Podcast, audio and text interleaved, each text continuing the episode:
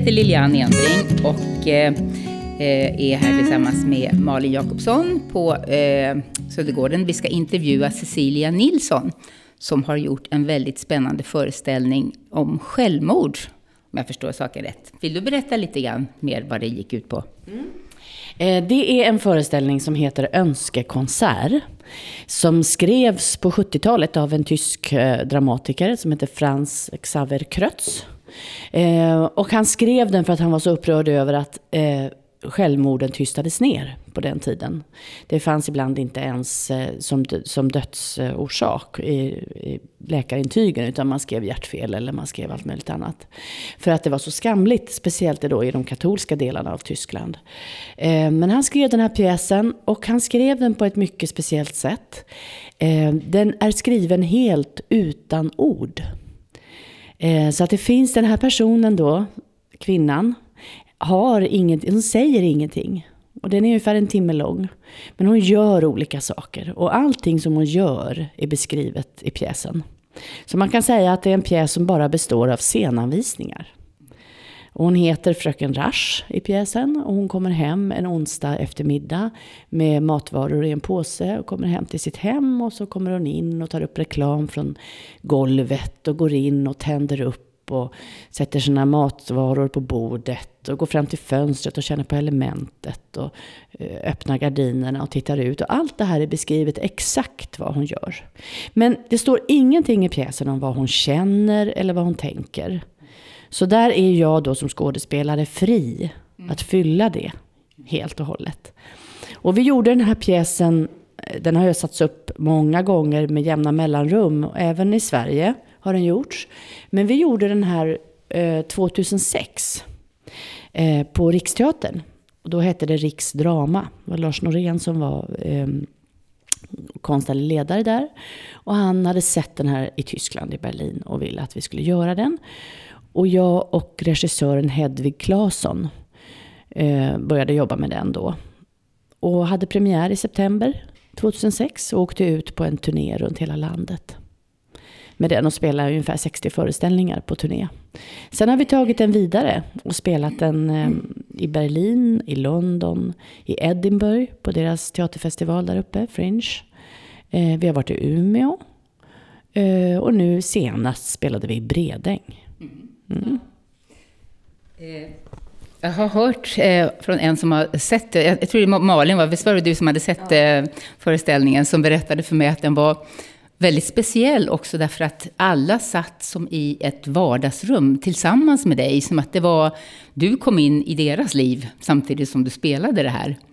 Hur kändes det? Hur var det att ha publiken så nära som i ditt eget vardagsrum? Alltså det är väldigt, väldigt härligt. Eh, vi kom på det här när vi började jobba med den. Vi hade varit och tittat på den, jag hade sett den många gånger den här pjäsen. Och den hade alltid varit på en scen, som en vanlig föreställning. Och jag kände att man kom inte riktigt nära den här kvinnan, när jag såg den då. Så när jag skulle göra den själv så ville jag verkligen att publiken skulle komma riktigt nära, som att de satt som flugor på väggen och var med i, i, mitt liv. Och då kom vi på, det var någon på Riksteatern som sa, men ska vi inte spela i lägenheter då? Och då lyckades de hitta tomma lägenheter runt hela landet. Det var helt fantastiskt. Och det här var ju 11 år sedan, så det fanns ju betydligt fler allmännyttan-lägenheter då än mm. vad som mm. finns nu. Men i Stockholm finns det ju inte så många kvar, men det finns ju runt om i landet finns det ju fortfarande kommunala bostadsbolag. Ja, och de var ju då fantastiska och ställde upp och hade någon tom lägenhet här och där. Och så spelade vi tomma lägenheter. Så folk sitter i vardagsrummet runt väggarna mm. på eh, genomskinliga pallar. Mm. Man tar i vi tar in max 40 personer. Vad vi har eh, stolar till. Och det blir en väldigt förtätad stämning. Det blir en väldigt stark känsla i rummet. Eh, och folk brukar ju, först blir de ju lite nervösa. Att gud, ska man sitta så här nära? Eh, men sen efter en stund så, så märker man att alla slappnar av. För att de märker att jag drar inte in dem i handlingen. De får vara publik. Mm. De får titta helt fritt. Och då känner folk det, att det är den som, överenskommelsen som man har med varandra. Och då blir det väldigt lugnt och, och man deltar på något sätt ja. tillsammans i det som händer. Hur, hur är det att spela en, en sån för, göra en sån föreställning som, som handlar om ett självmord?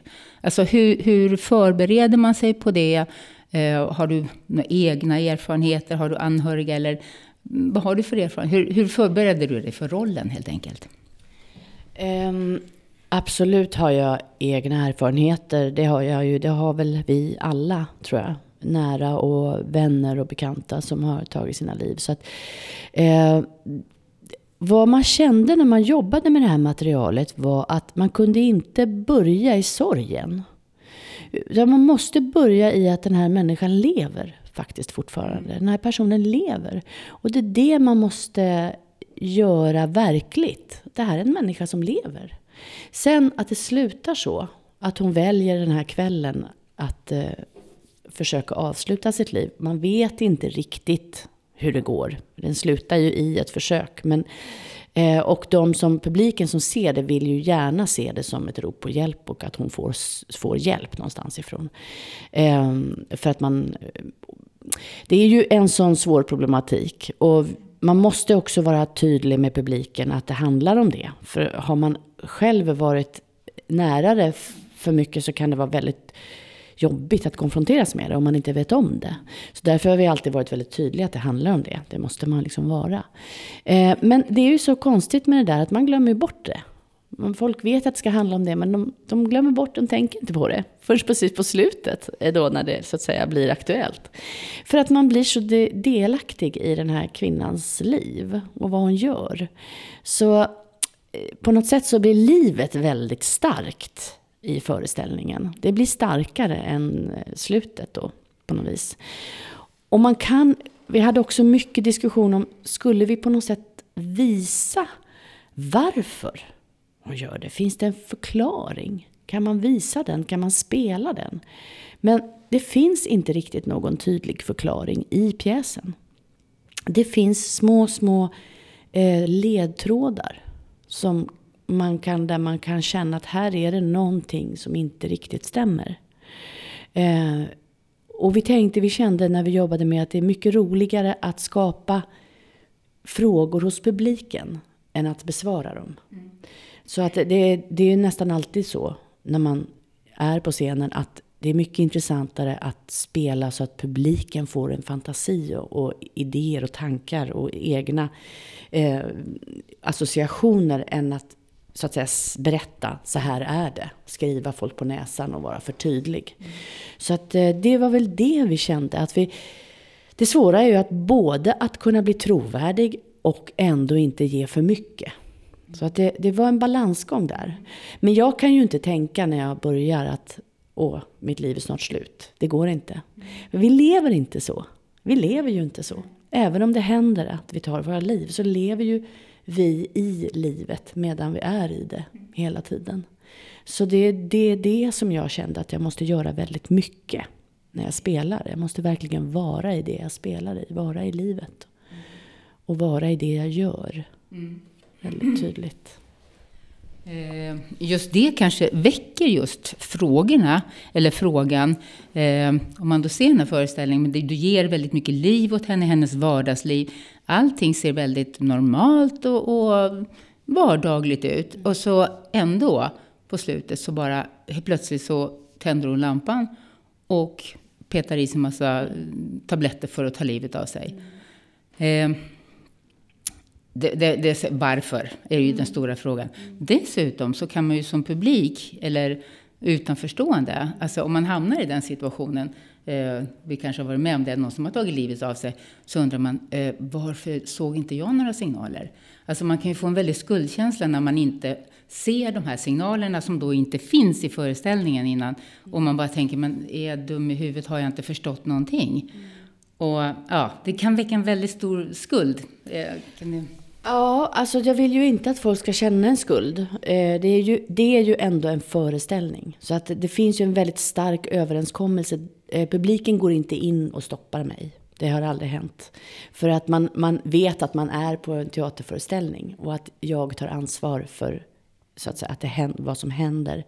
Men självklart känner ju, vi är ju alla, så fort vi har, när någonting har hänt i vår närhet, så känner man ju absolut, det, Alltså mina erfarenheter av det har ju varit, men varför såg jag inte detta komma? Om jag ändå hade gjort det och det, om jag ändå hade... Det där, det får vi ju mala för oss själva på något sätt. Det är, samtidigt så, så vet man ju, man vet ju aldrig om det hade kunnat hjälpa, så att säga. Vad, vad, vad det man tänker. Och man, jag tror att det är farligt att fastna i skulden. Eh, man måste försöka också komma förbi den och se att det var också ett beslut det var, som den här människan tog. Och det var ett oerhört tråkigt beslut som kommer att drabba många i förlängningen. Men nu kan jag inte påverka det längre. Men visst, visst måste man också, och det känner man ju äldre man blir, att man blir kanske också, när det har hänt i ens närhet, eh, självmord, så blir man kanske lite räddare. Och lite noggrannare och lite vaksammare. Tycker jag, efter några, när det har hänt. Att man blir, att man kanske i bästa fall blir lite noggrannare med att titta efter signaler. Men samtidigt är det ju så också att väldigt många vittnar ju om det. Att den här personen då som har tagit sitt liv har stunderna innan, veckorna innan eller dagarna innan varit väldigt lättad och glad. Och det är ju det som, som man då tänker, åh vad skönt, nu är hon eller han på väg tillbaka. Nu är liksom, har allting släppt och vad skönt, nu är hon... Och det där är inte alls ovanligt att man känner så. Och jag tror att det, alltså man kan inte föreställa sig att vara i den, alltså det finns väl säkert många som lyssnar nu som har varit i det landet där man överväger. Det, det är väl många av oss som någon gång har gjort det övervägt att göra det. Men jag tror att när man har man fattat ett sådant beslut så det vittnar ju alla om att det sker en sorts lättnad för att man orkar inte umgås med tankarna längre. Men det är ju, man är ju i en, eh, man är ju inte riktigt medveten om hela, man kan inte vara helt, eh, det är som ett tunnelseende ju, säger folk när man är i det där landet. Det är som ett tunnelseende och man känner bara att det bästa vore om jag försvann. Och man kan inte se att det inte är det. Och det där, det är viktigt att tänka på det också som efterlevande. Att det finns, man har ett ansvar för varandra men man har inte det fulla ansvaret för någon annan. Det har man inte. Och kan man känna att man har gjort, alltså man vill ju göra allt för en person oftast. Men, men det finns också en gräns som man inte kan gå över. Så att man måste försöka ta bort skulden, tror jag.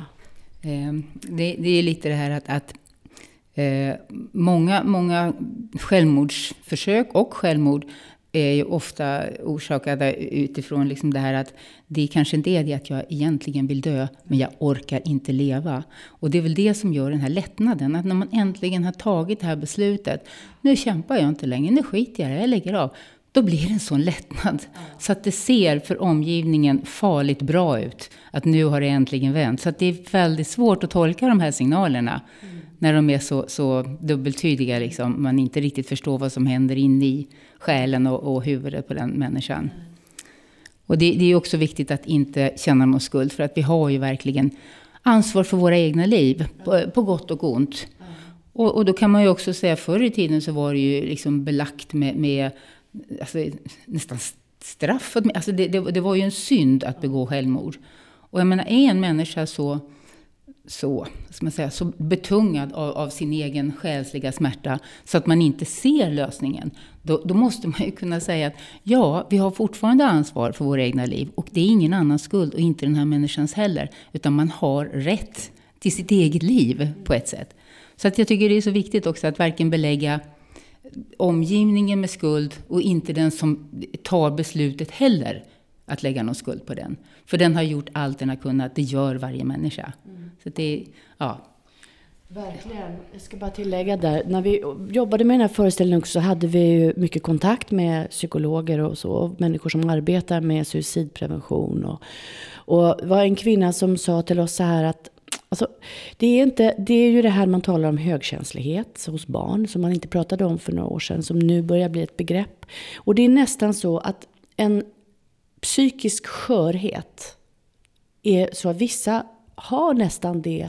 De föds nästan med det. Alltså det. Man kan se det redan tidigt, att det finns en psykisk skörhet hos vissa barn.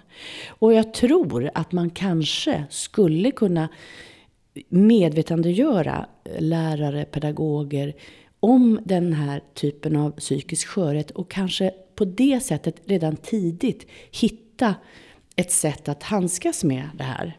Eh, som kanske skulle i förlängningen eh, ha betydelse för liksom, eh, självmordsrisk och så. För att det, det, är, det är ingenting som kommer från den ena dagen till den annan, gripet ur luften. Utan det, går man tillbaka så kan man se att det finns en historia. Det finns, en sorts, det finns saker som adderar upp till det här. Och om det inte är, det kan vara Ibland kan det ju vara så att det är missbruk och att det är sådana saker som har gjort att det accelererat väldigt kraftigt. Men den här så att säga skörheten, den, den, den kan finnas där och den måste vi uppmärksamma hos barn. Och försöka ta hand om på något sätt. Um, tror jag. Och, men därmed inte sagt att man kan förhindra alla självmord, det tror jag inte på. Um, har, har, ni visat den här föreställningen för speciellt ungdomar eller så? Jag tänker mig att det, det är ofta en väldigt skör period i ens liv. Och det, det är faktiskt många ungdomar som, som, tar sitt eget liv idag. Eh, och det är en viktig fråga att ta upp redan, redan som ung faktiskt. Att kunna sätta ord på sina känslor och dela det med andra. Har, har ni funderat på Alltså vi har inte specifikt eh, spelat för, men vi skulle ju gärna göra det faktiskt. För det skulle ju vara jättespännande. Vad vi, gjort, vad vi har gjort när vi spelade i Sverige då på Riksteatern var vi väldigt noggrant. Vi, det, var, det fanns hela tiden med alla städer och eh, ställen vi spelar på fanns det ett samarbete med psykologer och med hälso, olika vårdcentraler och så. Så att det fanns möjligheter till telefonnummer och så i eh, programmet. Att man liksom, hur man skulle ta kontakt om man kände så. Och vi har haft, efter varje föreställning har vi haft samtal med publiken. För att just också vädra det här och prata om det här. Det, det har varit minst lika viktigt som att spela tycker jag de här samtalen. Och det har varit väldigt givande för mig som skådespelare att ha dem också. Och folk blir så nära varandra och efter en timme tillsammans i ett litet rum så är det som att man känner varandra. Man ser ju varandra liksom hela tiden. Så det har varit väldigt fina och bra samtal. Mm. Och vad vi märkte när vi var i Skottland och spelade på Edinburgh Fringe-festivalen där, så märkte vi att vi fick plötsligt en ung publik. De kom Eh, det är ju jättemycket, det är ett enormt utbud. Det är otroligt mycket teater under hela augusti månad. Så det är väldigt svårt att nå fram liksom, till specifika grupper. Men sista gången vi var där så märkte vi att det kom jättemånga i 20-årsåldern. Uh, eh, unga tjejer och killar. Och vi började fråga så här, hur hittade ni hit? Jo, vi hade hört att det handlade om självmord, sa de. Och det är ett så stort problem här i Skottland. Och framförallt unga killar tar sina liv. Och det är någonting som vi vill förändra och vi tycker att man måste börja prata om det. Vi, måste liksom, vi tyckte det var intressant att se den här föreställningen. Och det var liksom inte teatermänniskor, det var vanliga, unga människor. Så det är absolut någonting, för jag tror ju också på att man måste prata om det här. Man måste beröra det här. Det har ju funnits en beröringsskräck. Man har inte velat tala om det, för man, då kanske man sätter griller i huvudet på folk och så vidare, hette det ju förr. Men jag tror verkligen på att man ska tala, tala om det, vädra det och liksom låta människor ja, prata om sina tankar inför det. Jag tror det är jätteviktigt. Så det skulle vara väldigt roligt att göra. Och det, det är väl någonting som vi tänkte nu när vi spelade sist. Att nästa gång vi spelar ska vi kanske ha någon typ av samarbete med eh, någon organisation eller någon, någon typ av, eh, ja, hitta någon sorts eh, mer specifik målgrupp för det. Mm. Unga människor och så vidare. Och kanske med psykisk ohälsa eller så. För att, eh, för att det ska kännas ännu mer meningsfullt så att, säga, att spela det. Mm. Eh, när, när har ni nästa föreställning av det här då? Ja, det, om jag ändå kunde säga det, det vet vi faktiskt inte. För att det, i och med att det är så svårt att hitta ett rum, faktiskt, en lägenhet. Eh, den här gången hade vi tur. Vi lyckades eh, hitta den här lägenheten som stod oanvänd under en månad, som vi kunde gå in och. Och i och med att det inte är någon öppen, det var ingen öppen föreställning för där vi gjorde reklam eller gick ut och marknadsförde, utan vi gjorde det som en inbjud, vi bjöd in via Facebook till, till den. Folk som vi visste ville se den, som inte hade hunnit se den när den spelades sist. Men eh, Ska man göra offentliga föreställningar då, då, får man ju ha en, då får man ju hitta ett bra ställe att vara på och då får man ju liksom göra det här. Eh, och det vet jag ännu inte. Vi, vi försöker ju så att säga, den här föreställningen vill vi ju ha kvar. Vi tycker så mycket om den och vi vill inte lägga ner den. Så vi försöker hitta möjligheter men vi måste göra andra saker för att försörja oss såklart under tiden. Så det blir väl när vi har en möjlighet att sätta oss och börja ringa och börja leta. Och jag hoppas eh, inom en inte alltför avlägsen framtid att vi kan spela den offentligt igen. Eh, kanske inom ett år i alla fall. Men eh, som sagt, jag, jag vet inte det idag. Ja. Tyvärr. Ja. Eh, no, när du inte gör den här föreställningen då, vad gör du då? skulle jag vilja veta. Ja, ja jag frilansar ju som skådespelerska. Just nu så är jag på, gör jag en tv-serie som heter Springfloden. Och det här är då andra säsongen som vi gör nu. Den första säsongen gick förra året på SVT. Eh, och det gick väldigt bra. Det var mycket publik och stora tittarsiffror. Så att nu gör vi en ytterligare säsong och det känns jättekul faktiskt. Eh, det gör jag. Och förra, ja, förra året i våras så spelade jag på Stadsteatern eh, Ebba Witt-Brattströms bok som blev pjäs, Århundradets kärlekskrig, var jag med i då. Så att, och nu i vår ska jag åka ut med Riksteatern igen med en annan pjäs. En pjäs som heter Slutet enligt Rut. Och det, jag har jobbat mycket på Riksteatern faktiskt under årens lopp. Det är ju väldigt kul att komma ut i landet och möta en publik i alla möjliga små och mindre stora eh, städer. Och, och det är en speciell stämning faktiskt. Det är väldigt mycket eldsjälar som arbetar ute i landet med teater, det är teaterföreningar. Och de tar emot den med öppna armar och det, det är en fantastisk företeelse verkligen, Riksteatern, att det, att det, att det finns mm. idag. Så det ska jag göra. Är det något mer du skulle vilja tillägga som du kom på? Som, du skulle vilja? Ehm, som jag vill tillägga? Jag tycker så mycket, ja, jag skulle bara vilja säga kanske, jag skulle bara vilja säga att jag tycker att jag älskar det här eh, Total Normal. Jag tycker det är ett sånt helt, det är fantastiskt bra namn. och jag är väldigt glad att få prata i Radio Total Normal. Och just för det här normalitetsbegreppet som ju är ett sånt eh, begränsande och tråkigt sätt att se på människor. Och jag tycker att det vi, är, vi är så totalnormala alla, på alla våra sätt. Och därför tycker jag att det är så kul att prata här. Tack. Jag tänkte just för du, för hon tar ju livet av sig i slut, men om, när du har för dig har du, hon bestämt sig redan när hon kom innanför dörren? Eller? Det, där, det där är intressant. När bestämmer hon sig? Mm. Eh, vi jobbade, när vi jobbade fram den så hade vi olika teorier.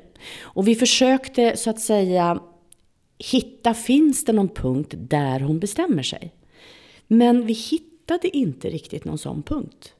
Men vad vi kände var att den här tanken har funnits så länge i henne. Hon har gått med de här tankarna. Och det berättar ju psykologer ofta att man går med det så länge och så plötsligt är det någonting som tippar den över. Och den här kvällen är det någonting som tippar henne över kanten så att säga, som gör att det blir den här kvällen. Det hade kunnat vara igår men det blev det inte. Det skulle kunna vara eventuellt imorgon men då kanske hon inte har tillräckligt med tabletter. Hon har precis så många nu är det ju så här att den här föreställningen skrevs ju på 70-talet och då kunde man ju dö av tio sömntabletter. Det kan man ju inte längre. Tack och lov. Utan det, eh, det går ju inte utan det krävs ju andra saker. Men eh, det där bryr vi oss inte om att redovisa för att vi tycker att det på teater så förstår man, man förstår ändå åtbörden på något sätt. Eh, det behöver inte vara vetenskapligt korrekt. Eh, men jag tror att hon har inte, det finns en punkt där hon på något sätt bestämmer sig för att ja men nu gör jag det. Och den är inte mer dramatisk än att hon bara helt enkelt sätter sig ner och börjar. Så det är för att dramatiken har pågått så länge. Så när man väl tar beslutet så är det ingen dramatik i det. Ja. Jo, men alltså, jag, när du säger så här, jag, jag, kan absolut tänka mig att det kan vara bara så här att ja, men imorgon har jag ingenting inbokat, så då gör jag det idag. Men om jag har någonting inbokat imorgon, ja, men då väntar jag till dagen efter. Alltså bara den lilla tippen, ja. sådär tänkte jag. Ja. Kan vara helt rimlig förklaring till, till varför det händer just då det händer. Ja. Jo, för den var ju väldigt plötslig. Jag trodde att hon skulle hålla på ett tag där hon hade, när jag såg pjäsen, att hon stängde lampan och sen så satte hon bara på lampan och så tog hon burken direkt och bara kollade och så gick hon och satte sig. Att det var som man bara, shit vad snabbt. Vad fort det där gick. Ja. Och jag tror att på något sätt så gör det nog det. När man väl har, men det är en lång, lång process innan man kommer dit. Jag hade en närstående som eh, tog sitt liv. Och efteråt, hon var gammal. Um, och um, efteråt när de tog hand om hennes saker så hittade de hennes almanacka. Och då hade hon ritat ett litet kors på det datumet. Vi vet inte när hon gjorde det. Vi vet inte om det var långt innan. Det fanns inga tecken alls att det var på väg. Men någon gång hade hon bestämt sig och gjort ett litet kors. Och det var nästan, det var så otroligt skrämmande. För man, den där almanackan hängde ju där i köket och när man tänkte, tänk om jag hade sett det här när jag var och hälsade på. Att det, men det kan ju hända att hon ritade dit korset precis innan, jag vet inte. Eh, eller hade bestämt sig långt i förväg, den dagen får det bli. Det är en bra, dag, bra, bra dag som någon. Och vi vet inte när hon bestämde sig. Och det där var väldigt eh, på något sätt talande att någon gång gör man det där lilla beslutet som blir så oåterkalleligt. Och man vet inte. Det är som du säger, det skulle kunna vara så att någon ringde. Och då skjuter man upp det. Kanske.